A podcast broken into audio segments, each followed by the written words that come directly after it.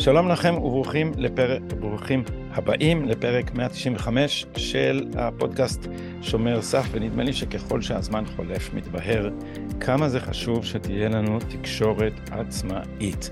ואנחנו בדרך לשם, כפי שסיפרתי לכם, ועדיין מתחת לכל סרטון, פה למטה מופיע הלינק אל אה, עמוד השותפות שלנו, עמוד התמיכה שלנו, וכפי שאני נוהג לומר לא פעם פה, תנו לנו שקל אחד ביום ואנחנו ניתן לכם כלי תקשורת עצמאי, וזה כבר קורה, אנחנו כבר עצמאים, אנחנו לא תלויים באף אחד, כמו שתשמעו, גם בשיחה הבאה, כי נמצא איתי שוב דוד פטר. שלום דוד. שלום גדי. דוד הוא כידוע לצופי הפודקאסט הזה היטב, עורך דין, חוקר אה, בפורום קהלת, ובעיניי אחד הפרשנים הבהירים ביותר לזירה המשפטית בישראל, ויש ברוך השם מה לפרש.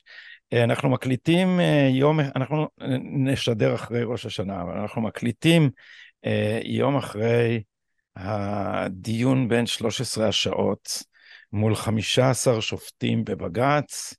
ואיך אתה עומד, דוד, את התוצאות של הדבר הזה או עד כאן? אז אה, באמת ראינו אתמול אה, דיון מאוד מאוד ארוך, אה, דיון מאוד מתיש, שבסופו כולם היו עייפים, גם השופטים, גם עורכי הדין, אפילו ההומור יצא קצת באולם בסוף הדיון, מרוב העייפות הרצינות קצת יורדת והאנושיות יוצאת, אבל מעבר לפן החביב הזה, יש גם טעם לפגם.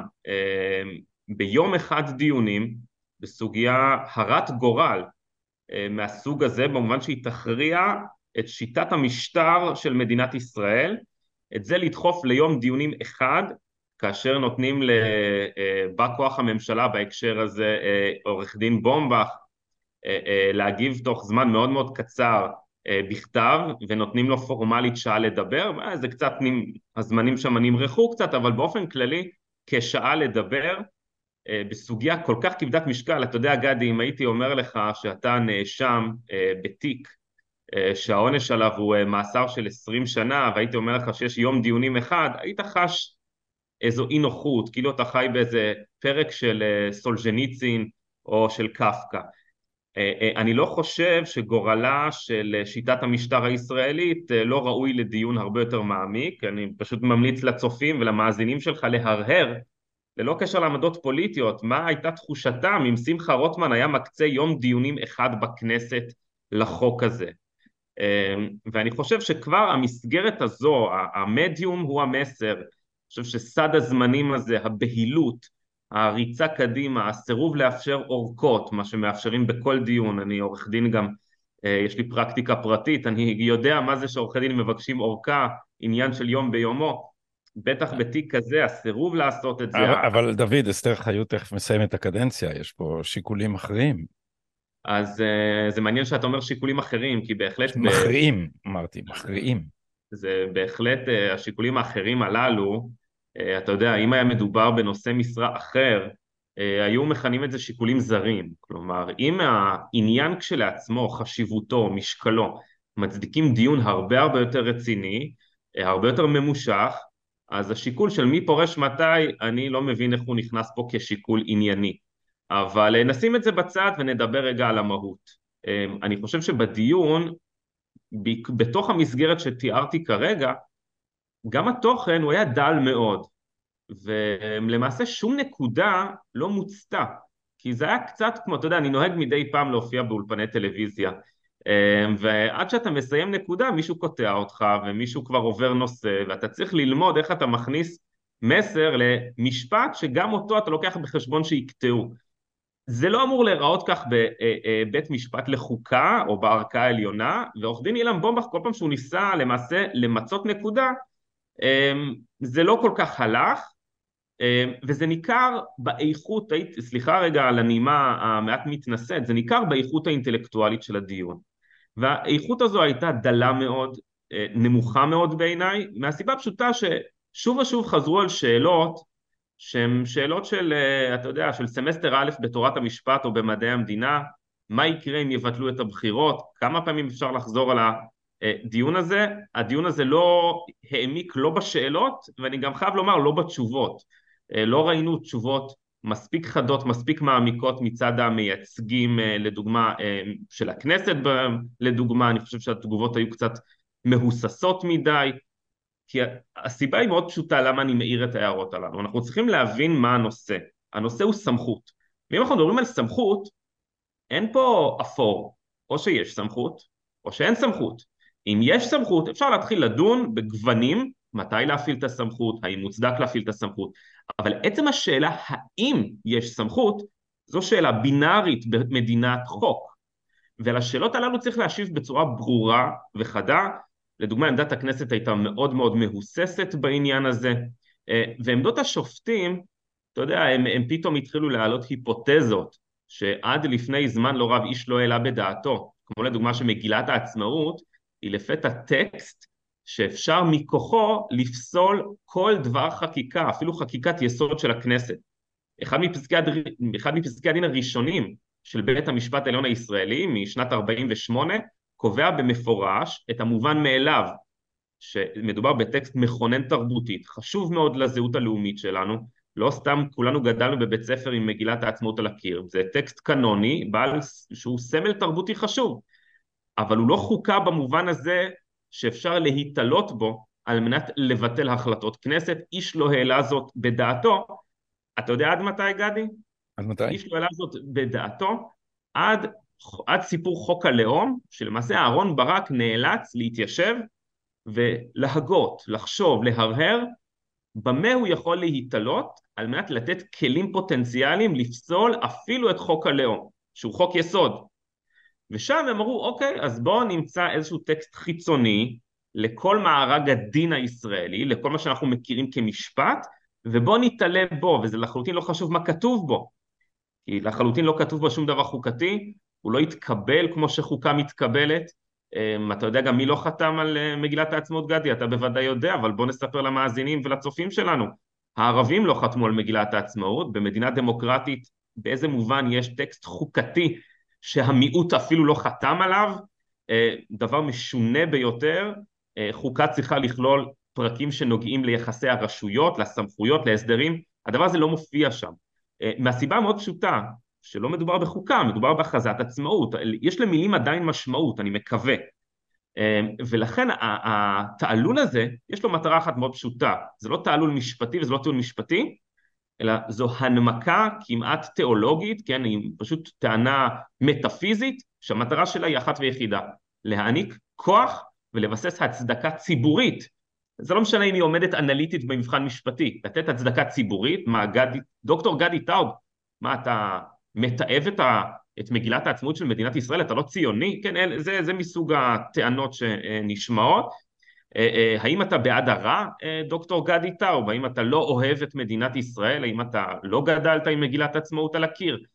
אז בוודאי שהיא עליונה על הכל, ולכן אנחנו גם נגלה לך שבעצם חותמי מגילת העצמאות התכוונו להעניק לבית המשפט סמכות לעשות ככל העולה על רוחם תוך נימוק כללי וארטילאי ומעורפל לחלוטין.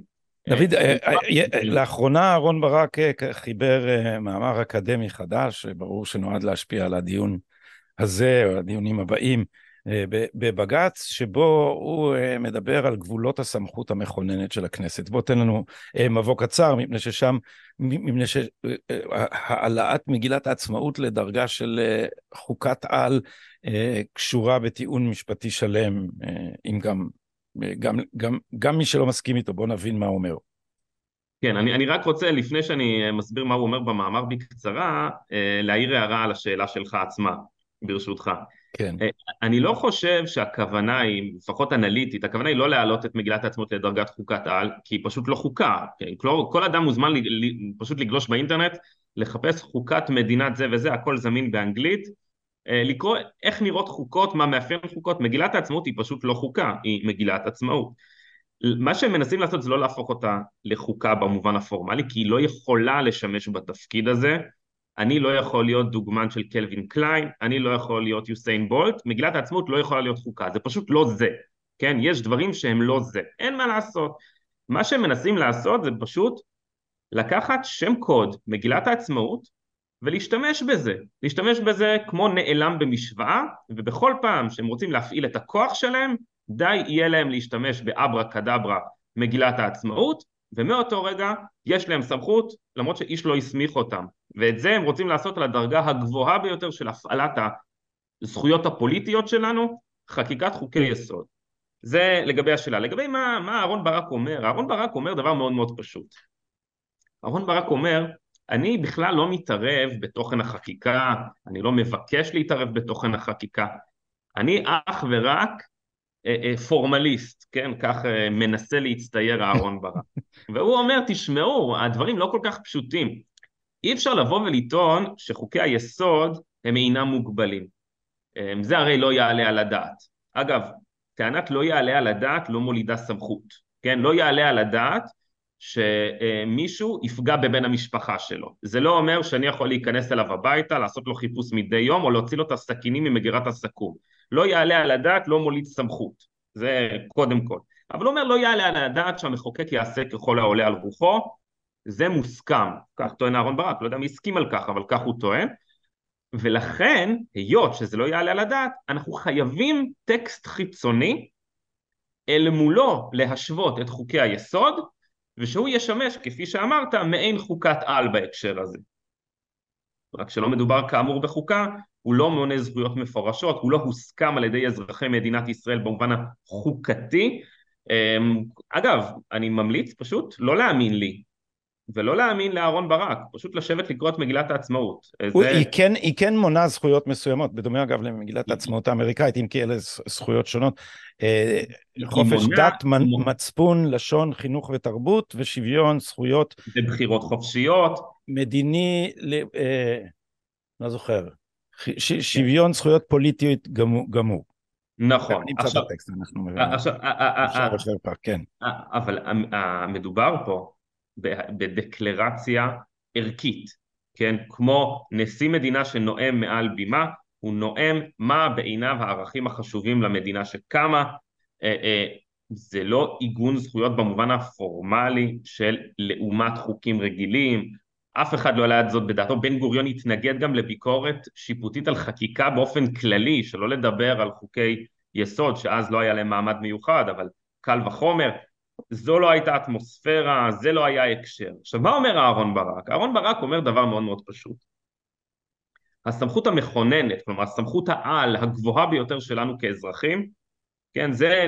שזה הנשק... בגדול זה הסמכות לקבוע את uh, סידורי המשטר סלאש החוקה, uh, חוקי היסוד, לא משנה איך קוראים לזה, זה הסמכות לקבוע את ההסדרים הבסיסיים שלהם. נכון, זה בעצם המימוש העוצמתי ביותר, הגבוה ביותר של הזכויות הפוליטיות של האזרחים לקבוע את עצם כללי המשחק. אהרן ברק אומר הדבר הזה מוגבל. הוא מוגבל מכוח מגילת העצמאות, או הרבה יותר מדויק לומר, מכוח מה שהשופטים יאמרו לנו שהמשמעות של מגילת העצמאות היא. כלומר זו, זה, זה העניין, כלומר שופטי בית המשפט העליון יקבעו למדינת ישראל לדוגמה מהו שוויון, כן, שוויון זה, זו שאלה מאוד, מאוד, מאוד מורכבת, אין לזה תשובות ברורות, אה, אה, שוויון באיזה הקשר, האם אפליה במקרה מסוים, לדוגמה פגיעה בשוויון יכולה להיות מוצדקת גם על פי פסיקת בית המשפט העליון וגם על פי השכל הישר, לא כל דבר שווה לכל דבר, מתי זה מוצדק, מתי זה לא מוצדק. בית המשפט העליון יבשר לנו בעצם את הערכים, עכשיו בואו רגע ניפטר מהשיח ה... בוא, בוא נקרא רגע את, ה, את השורה כיוון שאני ציטטתי אותה לבושתי לא כן. לא נכון. מדינת ישראל תקיים שוויון זכויות חברתי ומדיני גמור לכל אזרחיה בלי הבדל דת, גזע ומין. תבטיח כן. חופש דת, מצפון, לשון, חינוך ותרבות. שמירה על המקומות הקדושים ועוד ועוד, כן. אגב, כל הזכויות הללו נשמרות גם היום במדינת ישראל ובעיגון חוקתי. אז אה, כלומר, זה לא הדיון. ואין שום ספק שחוק יסוד הסבירות לא פוגע לא בשוויון ולא בשום דבר אחר, להפך, הוא מבטיח את החירות המדינית של האזרחים, הוא מבטיח את היכולת שלנו לממש מדיניות באמצעות הנבחרים שלנו. אבל נשים את זה רגע אחד בצד. אנחנו קצת, אה, אה, אני מרגיש שאנחנו מתרשמים יותר מדי משמות, כותרות, לבושים, מסכות. ואז אנחנו מתייחסים למה שראינו אתמול כבית משפט. זה לא בית משפט, כי לא דנים בדין, לא דנים במשפט, לא דנים ביישומו של דין. משפט במובן הבסיסי ביותר, יש לזה כמובן חריגים, אבל במובן הבסיסי ביותר משפט זה לאכוף, ליישם ולפרש משהו, טקסט, שלא אתה קבעת. אחרת זה לא משפט, זה כבר משהו אחר. זה שלטון שרירותי, זו מלוכה, זה יכול להיות כל מיני דברים. או חקיקה. או חקיקה, לא, כן, אבל בחקיקה אתה לא מיישם את החוק, כן, זה משהו אחר. כן. אני, אינסטנציה שמיישמת ומפרשת חוק שלא הם כתבו אותו, זה משפט במדינה עם שלטון חוק בעולם דמוקרטי. מה שקרה אתמול זה שבית המשפט העליון דן לא ביישום חוק שלא הם כתבו, הם דנים במה ראוי שיהיה החוק. זה הדיון. וזה דיון שלא אמור להתנהל בבית משפט, זה דיון שאמור להתנהל בפרלמנט. יכול להיות שאני לא אוהב את התוצאה של הפרלמנט, תתפלא גדי, אני אולי רוב הפעמים אני לא מרוצה או שיש לי הסתייגויות מהרבה דברים שקובעת אה, אה, הכנסת, בוודאי שנאמרים בכנסת, בכל זמן נתון, אני לא מחבב באופן מיוחד לפחות 100-119 חברי כנסת לפחות, לפעמים המספר גבוה מזה. אה, אבל זה לא קשור, זה משחק, ובמשחק הזה אני מממש את הזכויות הפוליטיות שלי, אני מצביע, ואני מבין האפשרויות מנסה למקסם את מה שבעיניי המדיניות הרצויה, ואני מודע לזה שיש אנשים שלא מסכימים איתי, וזה בסדר גמור, וככה אנחנו מאזנים באמצעות פשרות. זה, זו שיחה שמתאימה לא לפודקאסט שלך, אלא לכיתה ז'-ח', אבל אנחנו, אתה יודע, נאלצים לעשות את זה. אה, אה, אנחנו, זה... אנחנו לא נגביל את uh, הצפייה בפודקאסט בגיל, וגם ז'-ח' יוכלו להקשיב לנו. עכשיו בוא נסביר רגע את הבסיס מדוע מאמרו של אהרן ברק במובן הזה מוטעה ושגוי. יש נקודת התחלה לכל שיטת משפט, כלומר הסמכות נובעת ממקום כלשהו. בהגות הליברלית, אה, אתה יודע, הרבה פעמים אתמול באולפני טלוויזיה שמעתי כל הזמן אומרים השופטים הליברליים, השופטים הליברליים. כן, זה הבל בעיניי, אבל הליברליזם מתחיל באינדיבידואליזם ובחירות הפרט ובערך שיש לתודעה של הפרט. האדם הוא בן חורין. משם מתחיל הליברליזם, מהתפיסה הזו. נדמה לי שאתה אפילו ערכת ספרים על ליברליזם, כתבת על זה הרבה, משם זה מתחיל. ברגע שאתה אומר, החירות הפוליטית של הפרט היא מוגבלת על ידי מועצה עליונה, באיזה מובן השופטים הללו הם ליברליים? אני לא מצליח להבין את המילים הללו, אני לא מצליח לחבר את הדברים הללו. זה לא ליברליזם. כן? עכשיו... אני, אני, אני אגיד לך, מנקודת מבטם, אה, מדובר במה שבתקופת אה, הנאורות ראו בו עריצות נאורה. זאת אומרת, אם תופסים את הליברליזם במובן מאוד מאוד צר של אה, אוטונומיה של הפרט, בלי חירות פוליטית, זאת אומרת בלי חלק בריבונות, אז באופן תיאורטי המלוכה האבסולוטית של המלכים של המאה ה-18 שהתחנכו על ידי פילוסופים, אמרו בסדר, אנחנו נגן המלך יגן על חירויות האזרחים. כמובן שהדבר הזה יתרסק מרגע שהאזרחים ישתמשו בחירותם כדי לבקר את המלך. אבל הרעיון הוא אותו רעיון, התחושה של תלמידי אה, אהרון ברק, שכידוע לך ראשיתה באפלטוני, שדרושים מלכים נאורים, הפעם נקרא להם אה, שופטים, כדי להגן על זכויותינו, מפני שאנחנו נהרוס לעצמנו. זה, כן, זה הלוגיקה. כן, טוב, לפחות אפלטון, שאני אה, רחוק מאוד מאוד מאוד מתפיסתו, כמו שאתה מכיר, בהקשרים הפוליטיים, אבל לפחות יאמר לזכותו שהוא דגל בשלטון הפילוסופים, שלטון החכמים. הקישור האוטומטי בין משפטן לחכם הוא לא הכרחי תמיד. ייתכן, כן, ייתכן, ייתכן שיש משפטן חכם, ייתכן שלא, אבל אין אה, קורלציה מלאה, כן? זה לא, לא כל חי... המשפטנים חכמים, אז מה הם למדו? עכשיו, עכשיו צריך לומר, כן, מהי נקודת הבסיס של הסמכות במדינת חוק דמוקרטית, כן? זו שאלה שעסקו בה רבים, אה, אגב זו לא שאלה משפטית, זו שאלה של פילוסופיה פוליטית, שאלה של מדעי המדינה, אבל הבסיס חייב להיות, כך אני אה, אה, מבקש לטעון, ואני לא לבד בעולם המערבי, אני אפילו בדעת הרוב. הבסיס הוא החירות הפוליטית של הפרט והכבוד וההערכה לתודעה של כל אזרח. כל אדם הוא בן חורין, כל אחד הוא בן מלך, כמו שאמר ז'בוטינסקי, כל אחד יעצב את תפיסתו, כל אחד בטוח שהוא צודק ואחרים טועים וזה בסדר גמור, ניפגש בזירת המסחר הפוליטית שאנחנו מכנים אותה הכנסת, וזה בסדר גמור. אבל נקודת ההתחלה היא החירות הפוליטית שלנו. אז אנחנו מתכנסים, לכינוס הזה אנחנו קוראים בישראל כנסת, ואנחנו מתחילים לייצר שרשרת הסמכה. אנחנו עושים את חוק יסוד הכנסת, חוק יסוד השפיטה, חוק יסוד הממשלה, אבל הריבונות היא בידי העם. לא ייתכן שאחת הרשויות תתעלה מעל חוקי היסוד עצמם, תתעלה מעל ההסמכה הראשונית של העם והיא תקבע על פי תפיסת עולמה, על פי ערכיה, כן, הם יחליטו מהו הטוב, הם יחליטו מהי דמוקרטיה, הם יחליטו מהו השוויון והם יישמו את זה במקרה קונקרטי. אני רק רוצה להעלות היפותזה, לא היפותזה, אה, אה, אה, אה, סנאריו, בוא נעלה סנאריו, שבו אתה יודע, אה, ניקח את כל סגל אה, מכינת עלי, נוסיף לשם את אנשי ישיבת הר המור, נוסיף כמה מהפלג הירושלמי ונמנה אותם לשופטי בית המשפט העליון. והאם אנחנו מסכימים כאזרחים שהם יחליטו, הרי כתוב במגילת העצמאות שזו מדינה יהודית, כן. נכון? על פי פסק דין חסון, פסק דין חוק הלאום, אסתר חיות קבעה שם שפגיעה בזהות היהודית דמוקרטית של מדינת ישראל זה מצדיק פסילה של חוק יסוד אפילו. האם אנחנו נסכים שהמועצה הזו של הפלג הירושלמי, של אה, סגל ישיבת עלי והר המור, הם יחליטו לפסול חקיקה וחקיקת יסוד כי בעיניהם זה פוגע ביהדותה של המדינה. אני באופן אישי, כאזרח אחד מבין עשרת המיליונים, אני אישית לא מעוניין בזה. אני חושב שעדיף למדינת ישראל להגיע להסכמות ולפשרות בתוך כבשן הפשרות הזה שהוא הפרלמנט שלנו.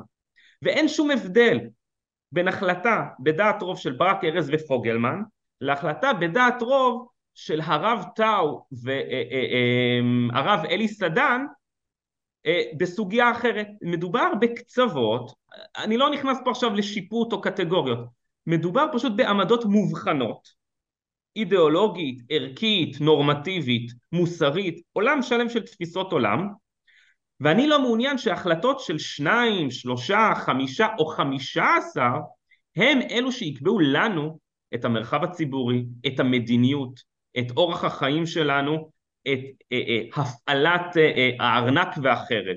בשביל זה יש לנו דמוקרטיה, וזה בסדר, הפשרות וההתלכלכות וקיטום הגרפים, אנחנו כל הזמן מורידים, אף אחד לא מקבל את כל מה שהוא רוצה, זה לא באג זה פיצ'ר, זה נהדר, זה מצוין, ככה רובנו רוב הזמן מצליחים לבלוע את הרוק ולחיות בשלום, גם אם לא לאהוב את התוצאות. אבל האלטרנטיבה היא שאנחנו פשוט עיוורים לזה שיש פה מועצת חמישה עשר, ואני בכוונה מכנה זאת מועצת חמישה עשר ולא בית משפט, כי אם אנחנו מקבלים את העליונות שלהם על כל נורמה, זה לא בית משפט, לא נעשה שם משפט, זו מועצה שמחליטה על בסיס הגותה ותפיסת עולמה.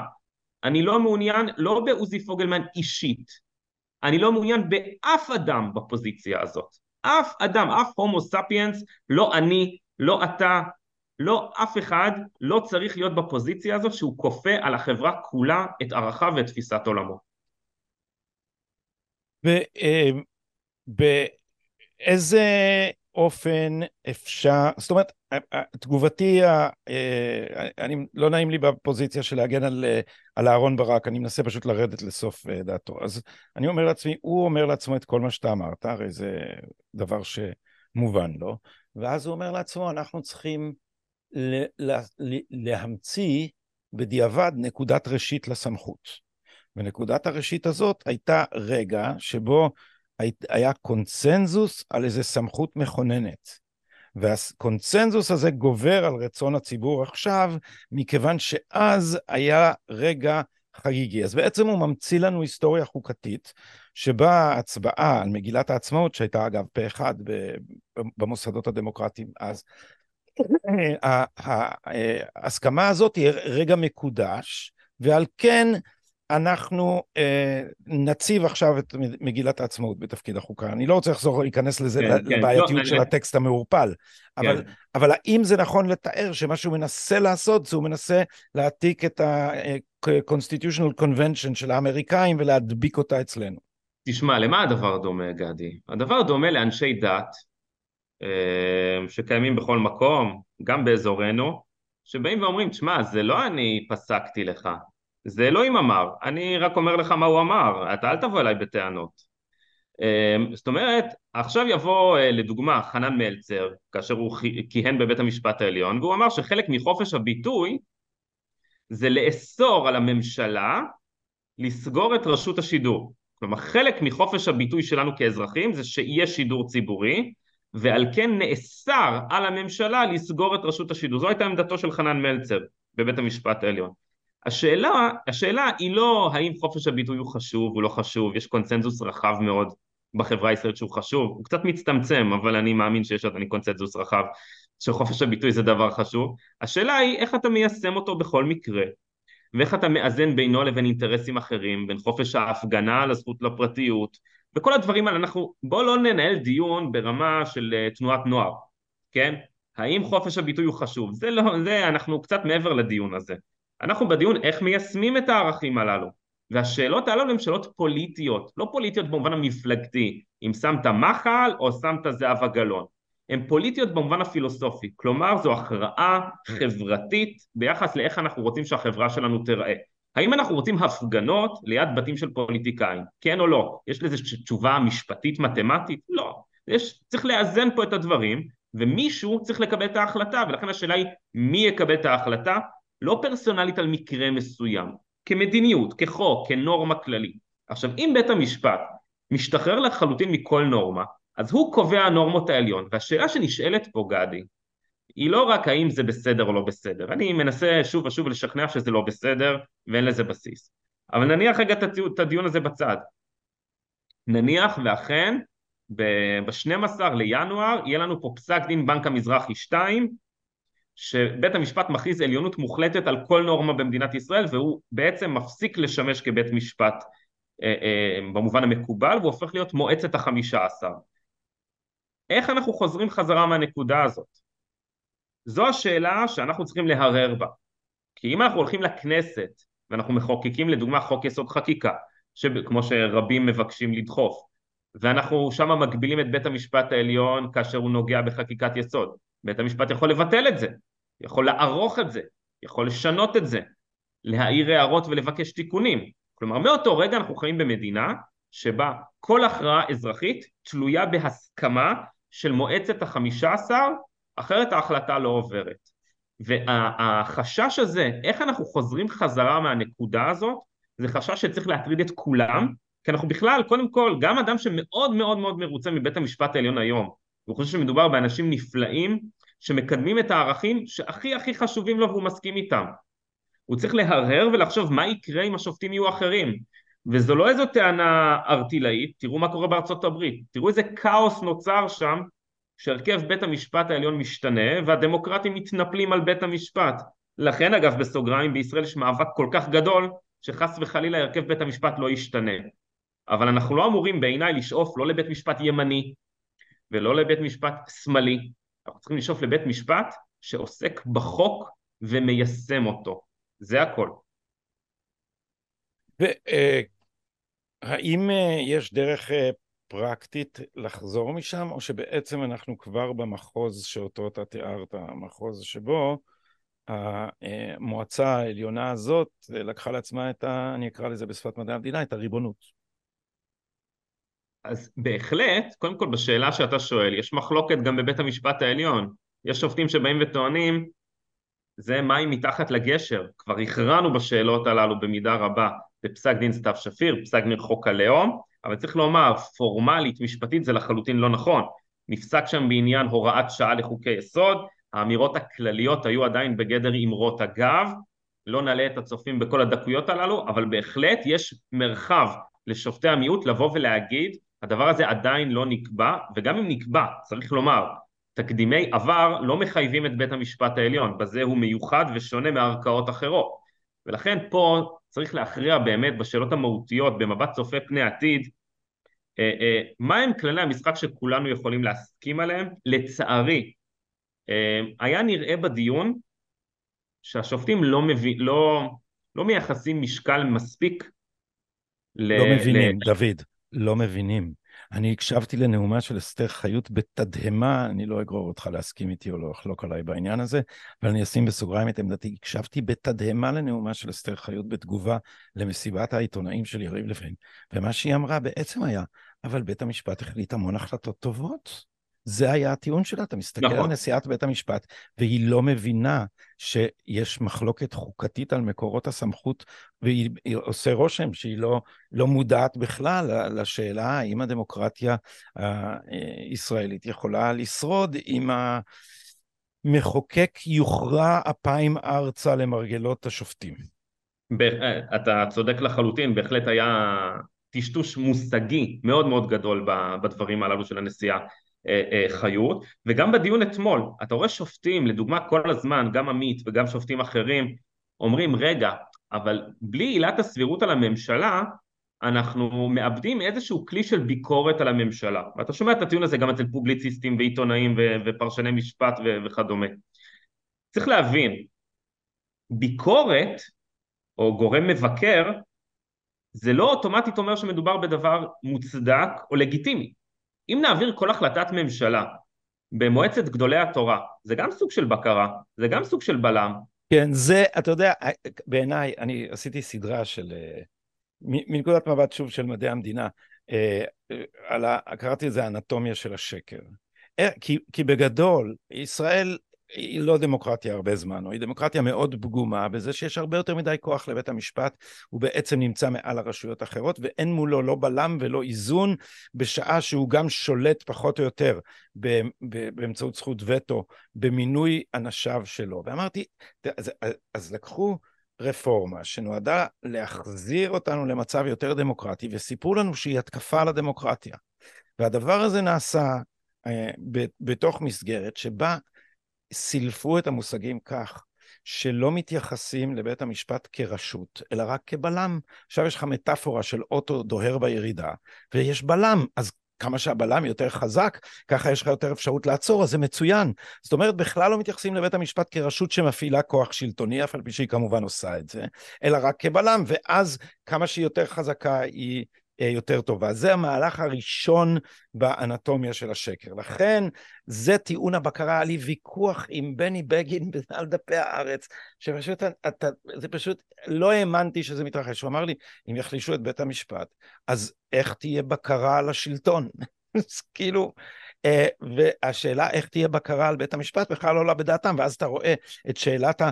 אם הכנסת תבטל את הבחירות, אה, כן. כי אף פעם לא, אז למה אתם לא שואלים אם בית המשפט יבטל את הבחירות, שזו שאלה הרבה יותר רלוונטית, כי הכנסת לא תבטל את הבחירות, אבל בית המשפט כן יבטל את הבחירות, או מכל מקום עשה צעד חשוב לכיוון הזה, ועוד מעט ידון בנבצרות, אולי יבטל אותם. אני, אני יותר מזה, אני רוצה, טוב מאוד שאתה מעלה את הסוגיה הזאת, אני רוצה להשתמש בה כדי לספר לצופים משהו שאף אחד לא, לא מדבר עליו. בית המשפט כבר ביטל את הבחירות.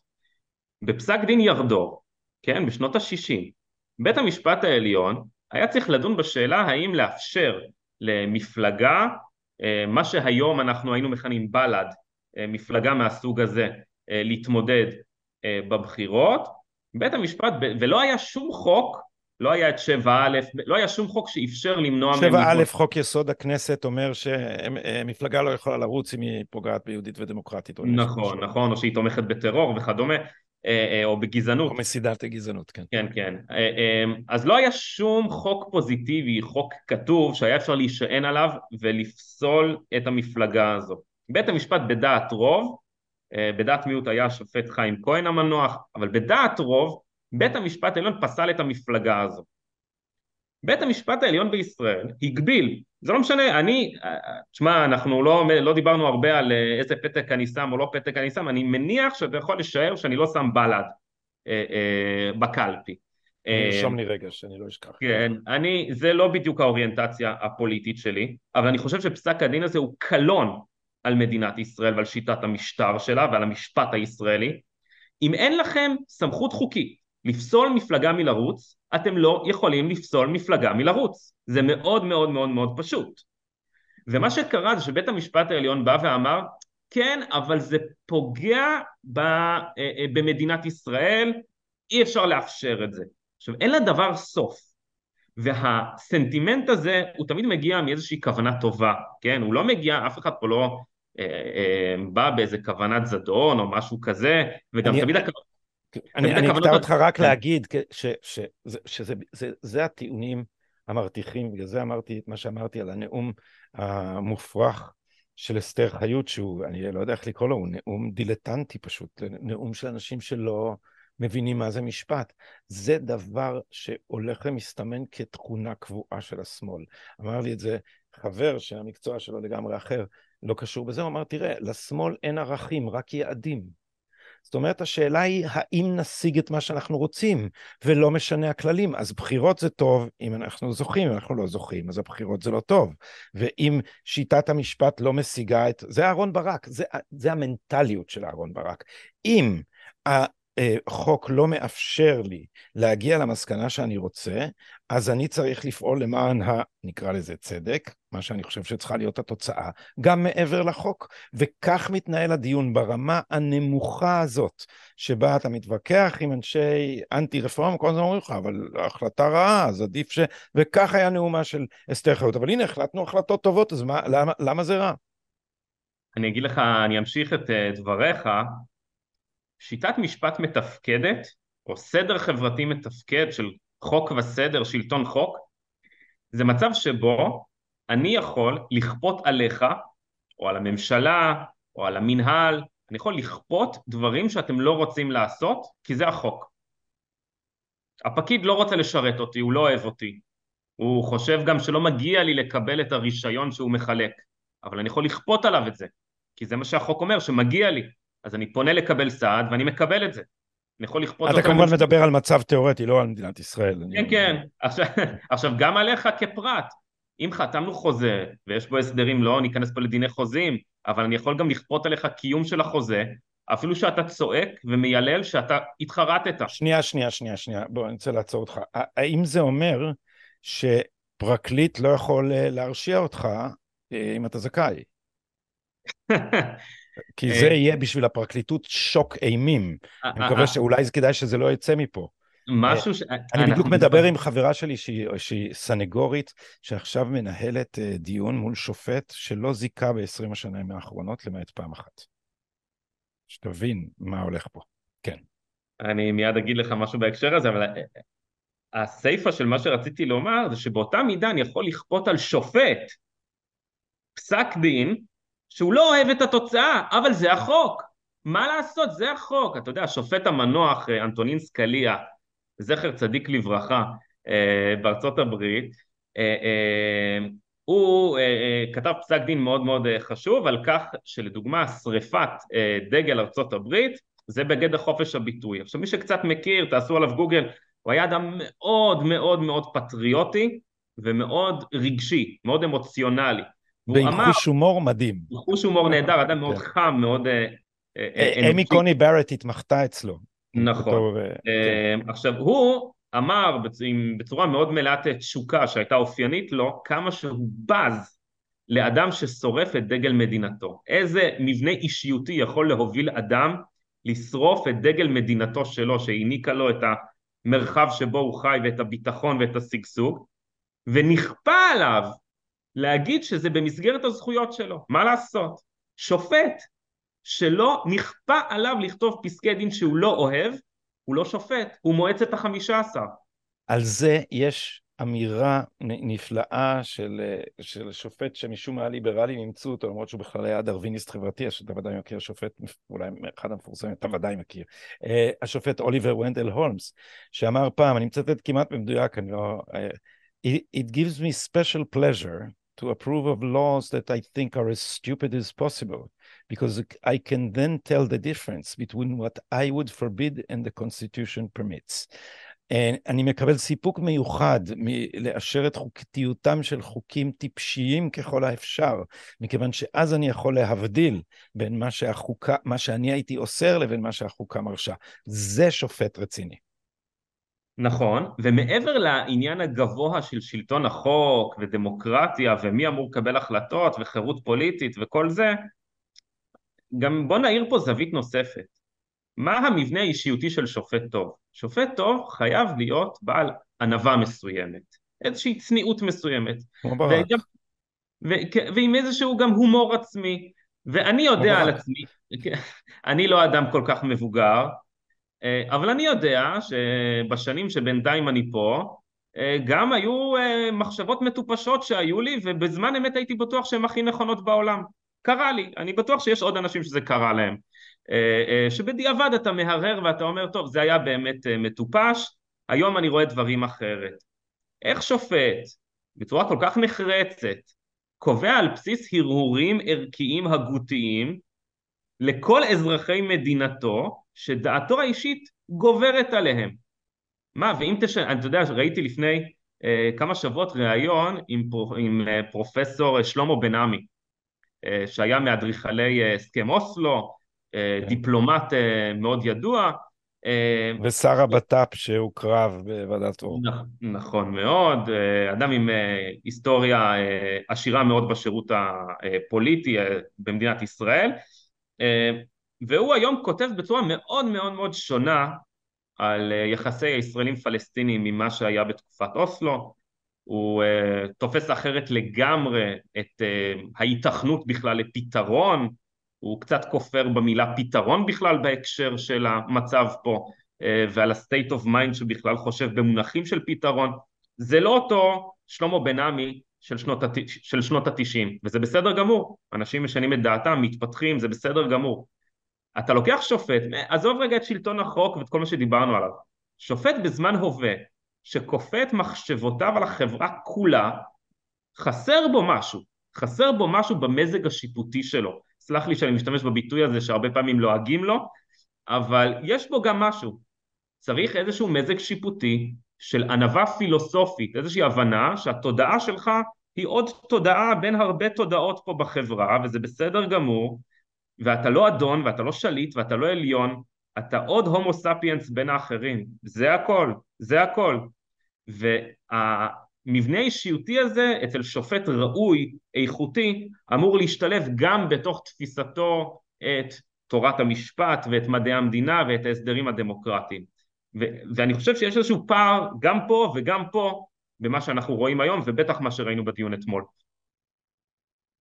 דוד, דוד אם אה, אם אתה היית צריך לנהל את הדיון, אם הייתי מפקיד בידיך את עמדת הממשלה, קודם כל, האם היית בא לדיון? אני, עמדתי הייתה אה, שמאחר שהדיון הזה מתנהל בלא סמכות, הממשלה פשוט לא צריכה להופיע, היא לא צריכה לשכנע את השופטים שזה לא סמכותם, היא צריכה לנהוג כאילו זה לא סמכותם, ובכך להבהיר להם את זאת. האם היית בא? לא אה, כעורך דין, אתה הממשלה, תכף אני אמנה אותך לעורך דין שלה. אם אני הממשלה, אני בהחלט הייתי מגיע לדיון. אה, אני מבין את הטיעון שלך, אה, אני חושב שיש בו הרבה טעם והרבה משקל.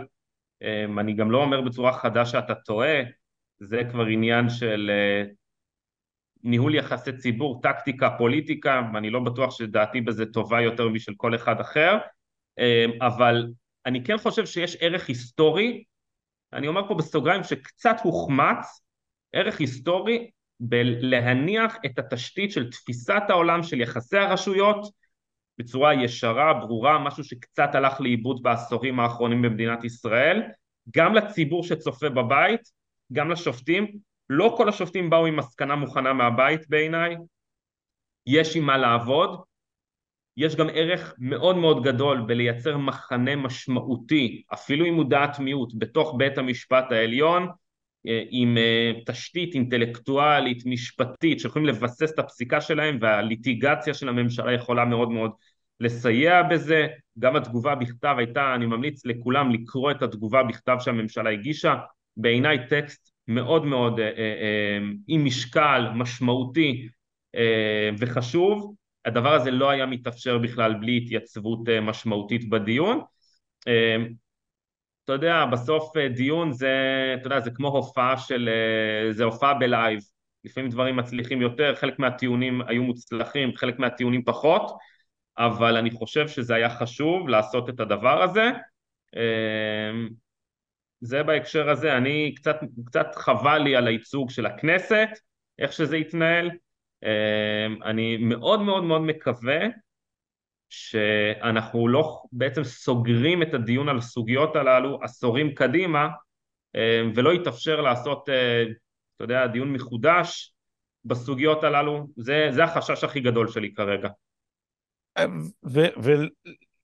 ועל מה אתה היית מבקר את אה, טיעוני בא כוחה של הכנסת ואת טיעוניהם של, של, של בא כוח הממשלה, של עורך דין בומבך וגם של שמחה רוטמן, שהיה, כפי שציינו הפרשנים, אני חושב בצדק, היחיד שנשא שם נאום פוליטי מובהק, ובמובן הזה היחיד שזיהה את הזירה הנכונה.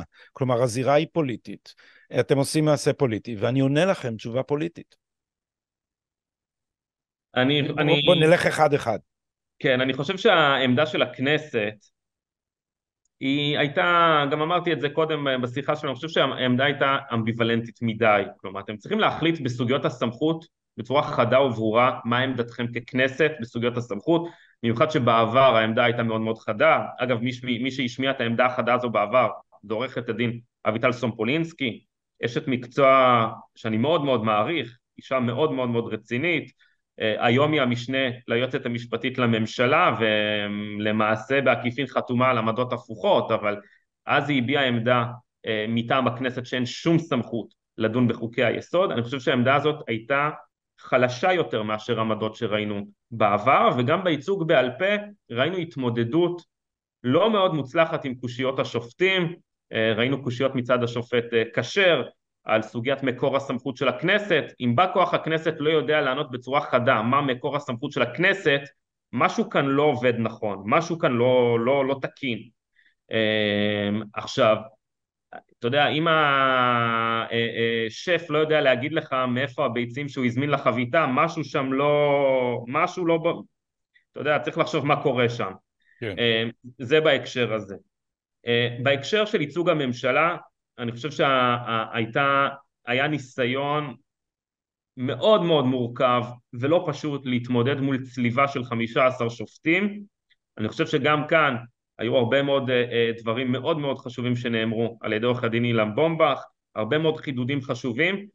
אני אישית חושב שהתשובות שלו בסוגיות הסמכות היו תשובות לא מספיק חדות, uh, אבל שוב, אתה יודע, זה קל לבקר פה, אני במזגן כרגע, אה, עם כוס של קולה עם קרח, אז זה קל לבקר.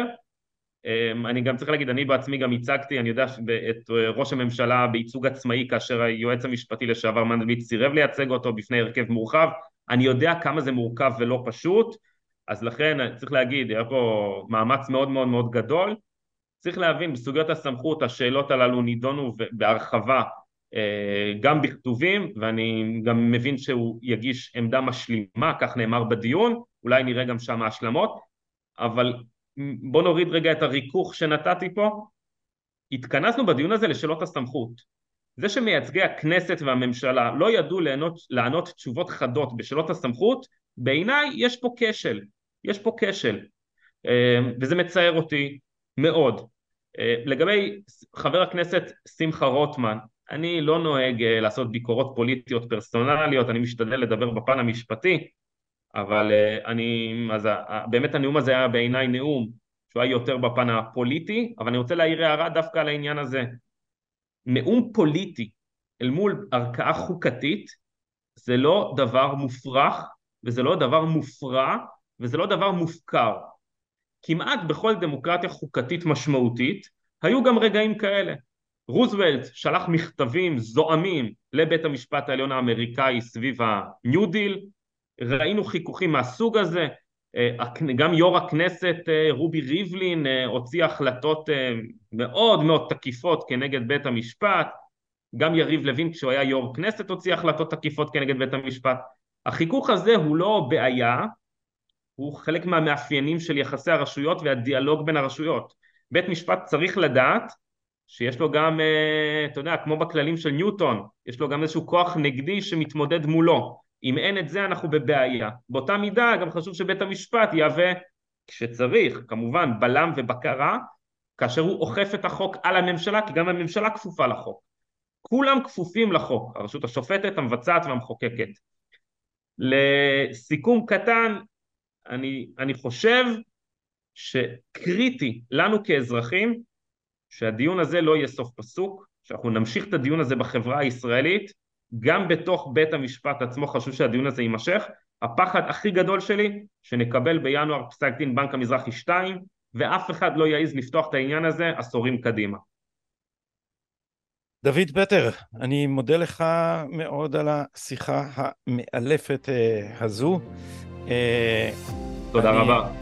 אני אזמן אותך שוב לקראת פסק הדין על הדבר הזה.